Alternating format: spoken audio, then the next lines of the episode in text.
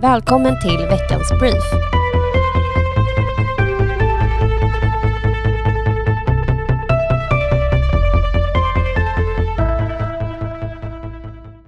I veckan har kärnkraftsdebatten varit högt upp på agendan.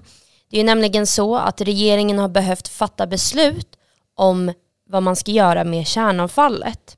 Och nu, torsdagen, kom de i grevens tid och gav grönt ljus för kärnavfallet. Men för att djupdyka i det här och för att ta reda på bakgrunden till det här beslutet har vi valt att ringa upp Jessica Rosenkrantz, miljö och klimatpolitisk talesperson för Moderaterna och även representant för Moderaterna i Stockholms stad. Varmt välkommen Jessica. Tack snälla. Men du kan väl berätta lite bakgrunden till det här. Vad är det egentligen för beslut de har tagit och vad handlar det här om? Ja, man kan väl säga att det ärendet som regeringen har på sitt bord nu och som man behöver godkänna i sin helhet egentligen, det handlar ju om en ansökan att utöka mellanlagret för kärnavfall men också att bygga ett slutförvar, det vill säga ett långsiktigt förvar för avfallet från våra kärnkraftsreaktorer. Och om inte regeringen tar ett beslut om att framförallt då utöka det här mellanlagret men också bygga ett slutförvar, då skulle det kunna leda till att kärnkraftsreaktorer måste stänga ner bara om två, tre år därför att det inte finns någon lagringsplats eh, att lagra avfallet på. Så egentligen kan man säga att det här är en fråga som handlar om hela den svenska energiförsörjningen och se till att vi kan upprätthålla eh, den fossilfria kärnkraften som vi behöver nu när vi ska ställa om till mer av fossilfrihet och vi ska ha bilar som kör på el och vi ska ha industri på el. Då kommer vi behöva dubbelt så mycket el egentligen till 2045 och då måste kärnkraften finnas med där. Och bygger man då inte ut lagringskapaciteten, ja, då riskerar eh, vi eh, kärnkraftens framtid helt enkelt. Men varför behöver man egentligen kärnkraft? Varför kan man inte hitta andra energikällor eller importera el? Vad är det som gör att kärnkraften just är så viktig? Ja, alltså, om vi då ser en framtid framför oss då vi ska ställa om och vi ska, vi ska gå över till allt mer el och vi behöver öka vårt elbehov, då är det ju helt orimligt att bedriva en politik som stänger ner fossilfri energiproduktion. Då menar ju Moderaterna att vi behöver både kärnkraft, eh, värna vattenkraften och också bygga ut mer av det förnybara, men vi behöver kärnkraften som bas. Och det ska sägas att Svenskt energisystem är ju till 98 procent fossilfritt. Och det är unikt i, i en eh, jämförelse med andra länder. Så ska vi börja importera energi istället, då kommer ju vi i väldigt hög grad att importera eh, energi som är fossil helt enkelt, som kanske kommer från kolkraft exempelvis från andra länder runt om oss. Så att den säkraste vägen till en, en hållbar och ren energi eh, framåt, det är ju att fortsätta värna kärnkraften och det, det energisystem och den energiproduktion vi har här hemma. Eh, och problemet är ju att eh, vi vet att ett av partierna i, eh, i, i, den svenska regeringen, nämligen Miljöpartiet, bygger eh, halva sin politik på ett kärnkraftsmotstånd redan från början. Och det är ju väldigt tydligt att det är Miljöpartiet som har fått styra den här processen eh, på, på regeringskansliet när man har förhalat beslutet om mellanlager och slutförvar och när man nu då idag kom med ett, ett halvbesked, det vill säga man säger ja till till mellanlagret men inte till slutförvaret. Eh, och det ska sägas att vad det betyder i praktiken när man bara ger ja till det ena men inte det andra, det kommer bli väldigt osäkert framåt. Därför att Oskarshamn som har det här mellanlagret, de har ju sagt att vi kommer lägga in vårt veto om regeringen inte samtidigt ger ett ja till slutförvaret. Och det är också så att hela den juridiska processen för att bygga ut mellanlagret kan äventyras om man nu bryter upp ansökan i, i två olika delar. Så det är mycket som är osäkert fortfarande, även om regeringen har gett besked eh, att man vill, eh, vill tillåta en utökning av mellanlagret. Vad, nu har man ju gett ett grönt ljus, eller i alla fall ett halvbeslut. Eh, varför tror du att man väntade så länge? Varför, det har legat på regeringens bord i över ett år nu. Varför kom det först nu och inte tidigare? Nej, men eh, det, det, är ju precis som så att den här ansökan har legat länge på regeringens bord. Bakom, eh, ytterligare tidigare så, så ligger det liksom 30 år bakom av, av utredningar och, och gediget material. Mark och miljödomstolen har sagt ja, Strålskyddsmyndigheten har sagt ja. Alla underlag finns för regeringen att säga ja så att processen kan fortsätta. Och ändå har man förhalat och ändå idag kommer man så att säga med ett besked som ingen vill ha, det vill säga att man delar upp ansökan och bara säger ja till den ena biten. Och det är klart att det handlar om att Miljöpartiet har ett motstånd mot kärnkraften och Socialdemokraterna låter helt uppenbarligen Miljöpartiet diktera villkoren här. Och det sker då på bekostnad av klimatomställningen eh, som behöver mer ren el och på bekostnad av hela den svenska energiförsörjningen. Så det är ju väldigt allvarligt att Stefan Löfven och Socialdemokraterna lämnar över så här viktiga frågor till Miljöpartiet. Du, tack så jättemycket för att du ville vara med och förklara det här för oss alla.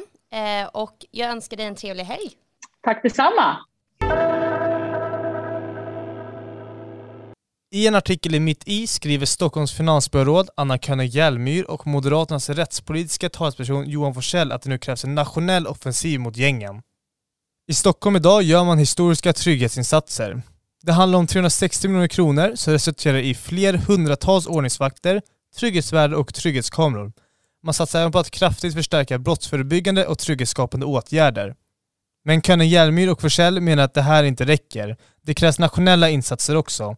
Däribland vill Moderaterna ge polisen möjlighet att avlyssna gängkriminella, likt det som de har mot terrorister, dubbla gängkriminellas straff, säkerställa fler poliser och höja deras löner. Det är ju så här, Stefan Löfven tidigare förra veckan meddelade sin avgång och det här har ju väckt reaktioner och för att prata lite mer om det här så har vi ringt upp Benjamin Dosa, VD på Timbro men har också en bakgrund i Moderaterna. Varmt välkommen Benjamin. Tack så mycket. Ja, och eh, var ska man börja? Stefan Löfven har ju då med sin avgång här i november på kongressen och man kan ju först börja någonstans med att fråga, var det här ett väntat besked? Nej, jag skulle ändå säga att det var relativt oväntat. Han har ju varit väldigt tydlig i intervjuer. Journalister har ju frågat det här tidigare.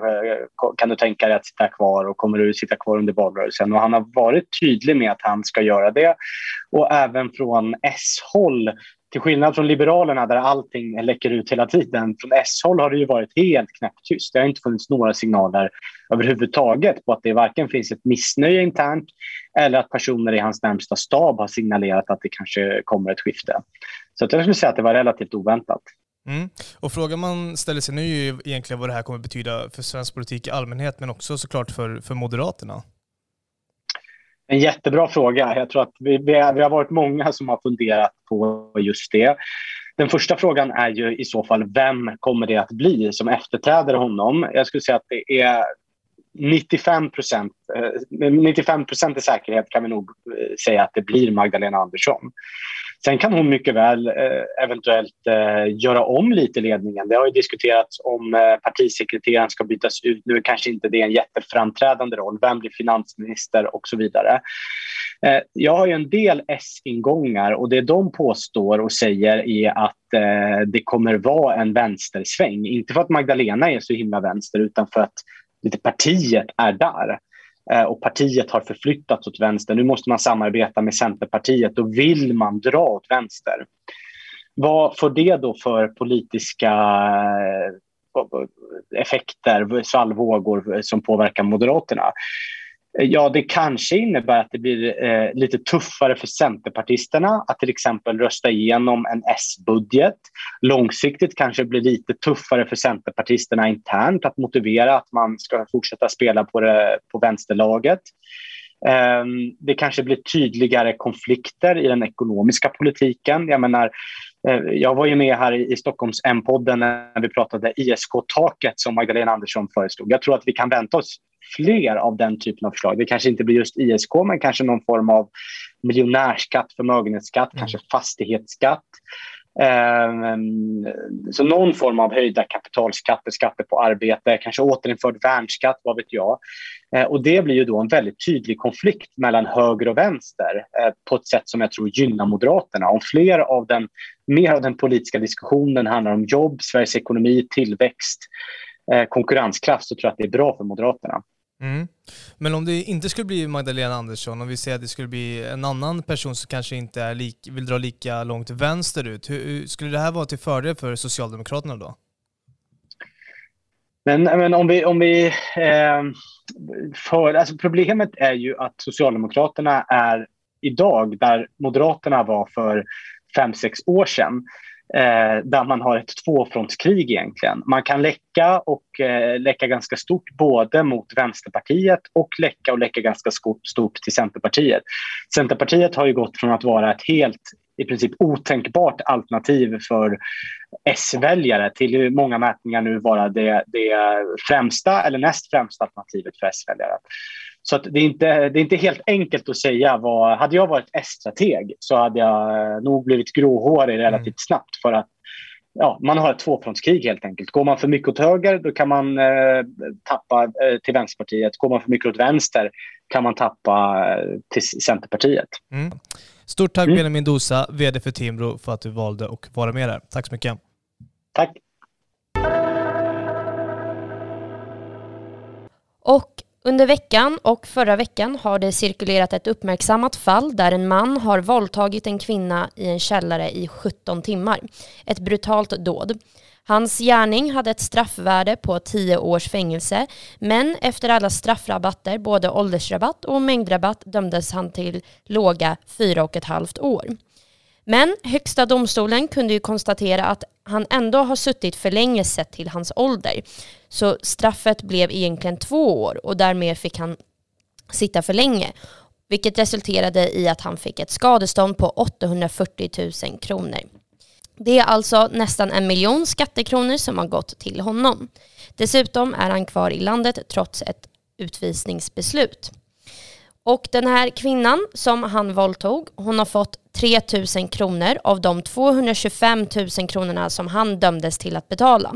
Och de pengarna som han har fått i skadestånd av staten är fredade och går därmed inte att komma åt. Och Moderaterna har ju pratat om det här sedan länge, att man vill slopa dagens straffrabatter, höja skadeståndet till brottsoffret och se till att de som har ett utvisningsbeslut faktiskt lämnar landet. Och riksdagsledamot Hanif Bali från Stockholms län har startat en insamling till förmån för brottsoffret.